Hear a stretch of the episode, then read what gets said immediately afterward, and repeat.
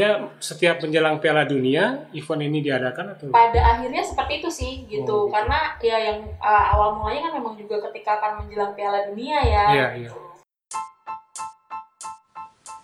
Coach to Coach Podcast adalah sebuah podcast yang isinya tentang olahraga futsal yang dimainkan di dalam ruangan empat pemain dan satu kiper. Nah di podcast ini kita akan berbicara soal teknik, taktik maupun informasi-informasi mengenai jadwal dan hasil pertandingan, terutama di Liga Asosiasi Akademi Futsal Indonesia atau AFI. Nah, kita akan menampilkan juga narasumber-narasumber dari berbagai eh, tempat dan pelatih-pelatih yang berkualitas. Semoga obrolan ini bermanfaat bagi pemirsa. Selamat mendengarkan.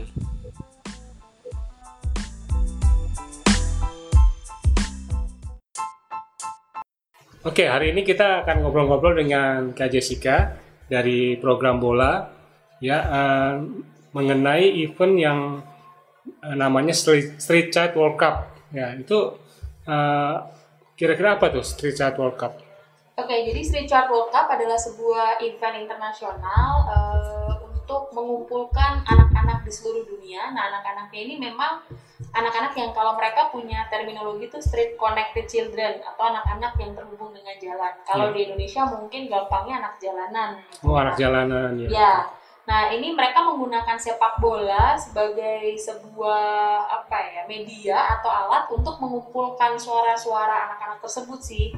Suara mengenai bagaimana hak dan perlindungannya mereka seperti itu. Dan gak cuman itu juga mereka eh, ada jadi ada konferensinya juga, kemudian ada juga penampilan eh, budaya ataupun hasil karya seni anak-anak yang ikutan dalam Hmm. event tersebut. Jadi nggak hanya sepak bola ya, tapi ada kayak art performance tadi ya, Betul. sama ada konferensi anak ya digabung dengan Hmm, acara ya, itu. Ya. itu tuh yang bagian justru yang bagian paling pentingnya tuh di situ ya gitu karena anak-anak ini di eh, bisa menyuarakan eh, pendapat mereka hak-hak mereka juga gitu. Oke. mewakili teman-teman dari negaranya Kalau latar belakang pendirian atau pelaksanaan Street Chat World Cup ini, apakah ada lembaga yang me- apa namanya mem- memprakarsai gitu?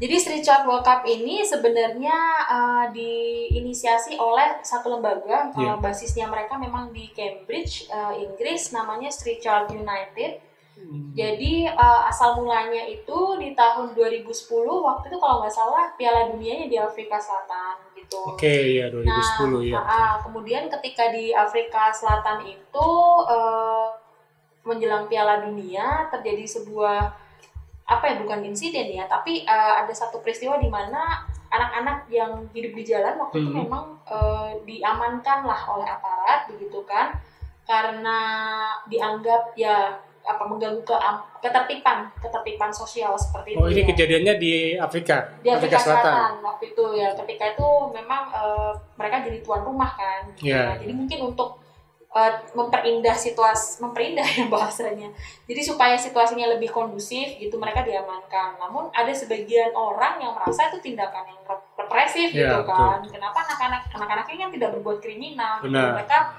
mungkin eh, di jalan gitu tapi tidak berbuat kriminal gitu sehingga akhirnya para relawan ini tuh berkumpul terus mereka mencoba untuk ya udah deh daripada eh, anak-anak ini ditangkap gitu kan itu tidak tidak manusiawi juga Iya.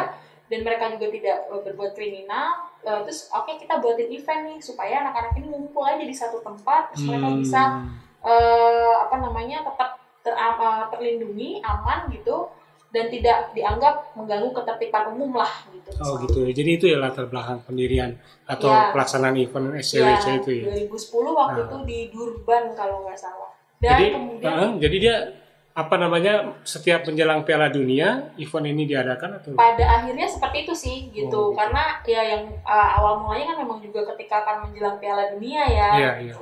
memang uh, Hmm. pada awalnya seperti itu kemudian di 2010 sih kalau nggak salah negara yang ikutan nggak banyak ya cuma Hmm. ada delapan negara Delapan waktu negara. itu Uh, yang juara kalau nggak salah dari India Hmm, juara dari India ya. dan kayak sebenarnya mereka football sih ya pakainya pas soccer lah sepak bola cuman waktu itu kalau nggak salah tempatnya juga masih indoor jadi agak-agak mirip futsal sebenarnya Oh iya. Ah, tapi sebenarnya dia mini mini soccer ya Mini soccer.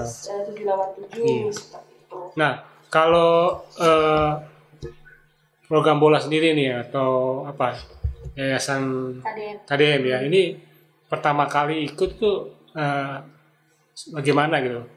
Oh ya, jadi eh, kita tuh 2014 eh, waktu itu kan ada World Cup di Brazil ya, sama menjelang Piala Dunia di Brazil kan Ya. waktu itu. Cuman eh, 2014 itu sebenarnya KDM belum masuk sebagai lembaga yang mendaftar gitu loh. Mhm. Jadi eh, mereka kan punya sistem pendaftaran di mana yang mendaftar itu memang harus organisasi sosial atau organisasi kemanusiaan. Oh iya ada ada standarnya sendiri ya, Betul, bukan akademi bukan akademi. bukan akademi justru kalau akademi nanti dia kehilangan value kehilangan makna Hmm. dari acara Ya karena itu ya anak jalanan itu ya mengumpulkan anak jalanan. ya benar jadi kalau keterlibatan KDM sendiri eh, waktu 2014 itu kita karena eh, waktu itu yang mendaftarkan diri adalah dari yayasan namanya Transmuda Energi Nusantara atau Mhm. TEN Nah, mereka eh, memang organisasi sosial, tetapi tidak punya pengalaman lah eh, Hmm. bekerja atau eh, melayani anak-anak jalanan seperti itu, sehingga mereka membutuhkan partner Oh untuk gitu. ya untuk eh, menangani eh, anak-anak jalanan ini gitu. Bagaimana aksesnya ke mereka seperti itu. Akhirnya direkomendasikan oleh salah satu eh, profesor waktu itu Profesor Irwanto dari Atmajaya. Eh, kebetulan kenal KDM dan dia juga concern dengan isu anak jalanan. Eh, yang direkomendasikan adalah sahabat anak dan yayasan eh, KDM. Oh gitu. Jadi eh, yang pertama kali ikut itu sebenarnya ada yayasan TENS tadi ya.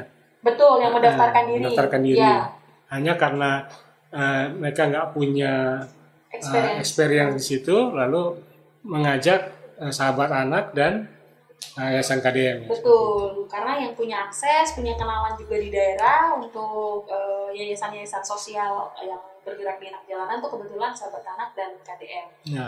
Gitu. Eh, pada tahun 2014 eh, event ini kan diselenggarakan di Brasil. Itu bagaimana caranya tuh mengumpulkan anak-anak itu? Apakah memang anak-anaknya sudah ada atau ada semacam seleksi atau seperti apa? Ya, yang 2014 ini agak menarik ya karena nanti 2018 sistemnya udah berbeda nih waktu Oh. kita ikutan lagi.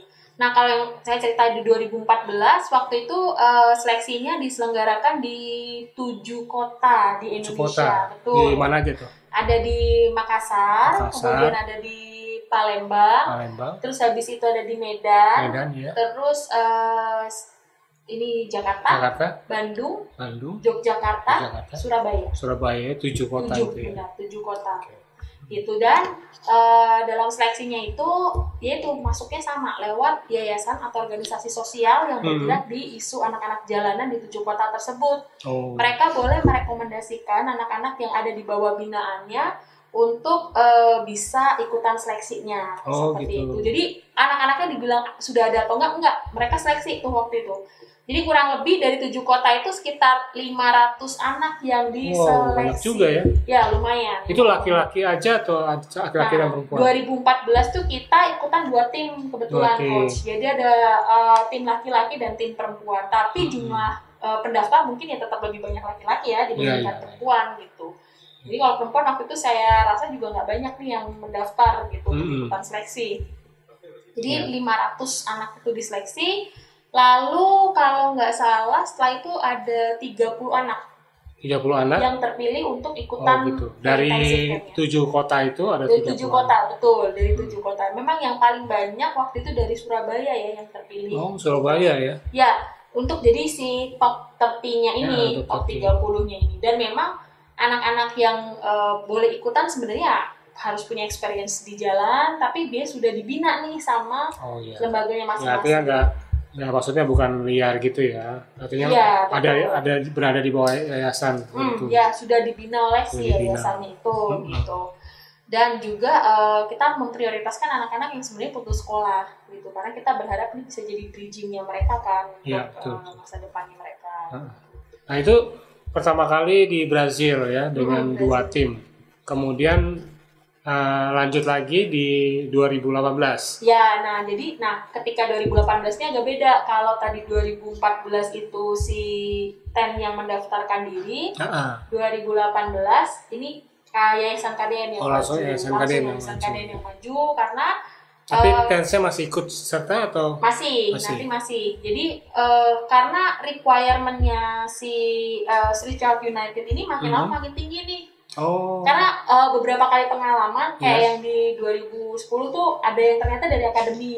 Oh gitu. Di 2014 kayaknya juga a- a- agak terulang lagi gitu kan. Hmm. Jadi dia benar-benar selektif dia Oh, nggak jadi kayak panitia lebih ketat lagi nih ya Benar. untuk memilih eh, peserta yang akan ikut serta ya. Iya, jadi mereka memang syarat utamanya harus yayasan yang bentuknya badan eh, badan sosial. Oh gitu, waduh Gitu. sosial. Iya, seperti itu. Tapi tetap ada kayak semacam seleksi gitu atau Untuk anak-anaknya. untuk anak-anaknya? Iya. Nah, yang 2018 ini agak berbeda karena kemudian animonya dari tahun ke tahun itu ternyata lebih tinggi ya. Iya. 2010 8 negara, 2014 itu 15 negara. Hmm. Di 2002 eh 2020 2018 itu ada sekitar eh, 20-an negara yang ikutan. 20 negara Iya, dari dari seluruh benua ya. dari seluruh benua ya. Nah, Eh Australia nggak ada sih. Oh. Memang yang isi anak jalanannya kenceng ya Iya. gitu dan biasanya dapat eh, spesial tuh tuan rumah kan. Iya gitu. betul.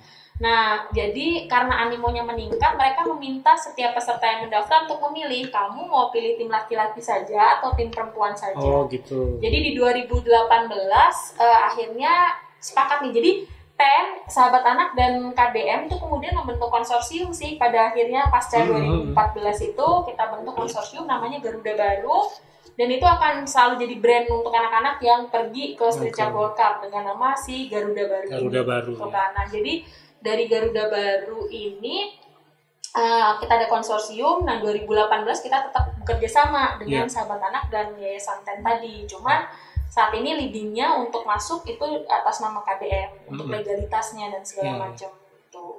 Nah, Seleksinya tetap ada sih coach. tetap ada ya, tetap ada Karena kita pilih tim laki-laki. Oh, di 2018 hanya Hmm. laki-laki. Hanya laki-laki Ya. karena diminta untuk memilih waktu itu kita kenapa tim laki-laki? Karena eh, tim laki-laki itu eh, apa ya? Eh, karena tim perempuan waktu itu nggak banyak sih anak-anaknya. Hmm. Animonya masih belum lah. Kita Iya, kan iya. akhirnya membentuk satu program yang kemudian memang kita tawarkan ke komunitas-komunitas kan setelah itu. Nah, Ah. dari situ kita lihat adik-adik yang sudah dibina melalui program itu tuh ternyata nggak nggak banyak yang Hmm. eh perempuan gitu. Akhirnya ya udahlah kita maju tim laki-laki dulu.